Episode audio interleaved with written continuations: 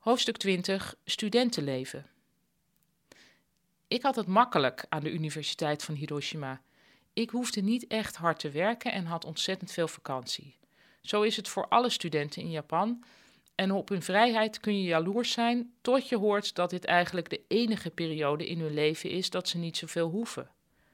In Japan moet een peuter al een toelatingstest doen voor de beste peuterspeelzaal.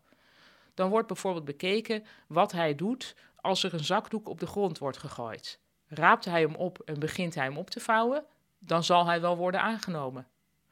Na de beste peuterspeelzaal kun je naar de beste kleuterschool, daarna naar de beste basisschool, dan naar de beste middelbare school en dan kun je je toelatingsexamens gaan doen voor de beste universiteit. Meestal betekent dit dat je naast je gewone school ook nog bijles krijgt aan een avondinstituut, waardoor je dus geen vrije tijd meer hebt.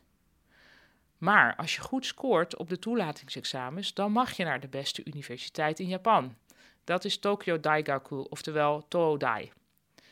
Als je daar je studie voltooit, kun je sowieso aan de slag bij een prestigieus bedrijf. Voor dat bedrijf moet je je vervolgens helemaal te pletter werken tot aan je pensioen. De tijd op de universiteit is dus een soort pauze.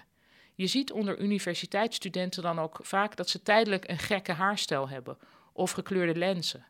Als ze eenmaal bij een bedrijf gaan werken, schieten ze weer keurig terug in de plooi. Je zou kunnen zeggen dat in Japan zelfs het uit de band springen op de universiteit is zoals het hoort.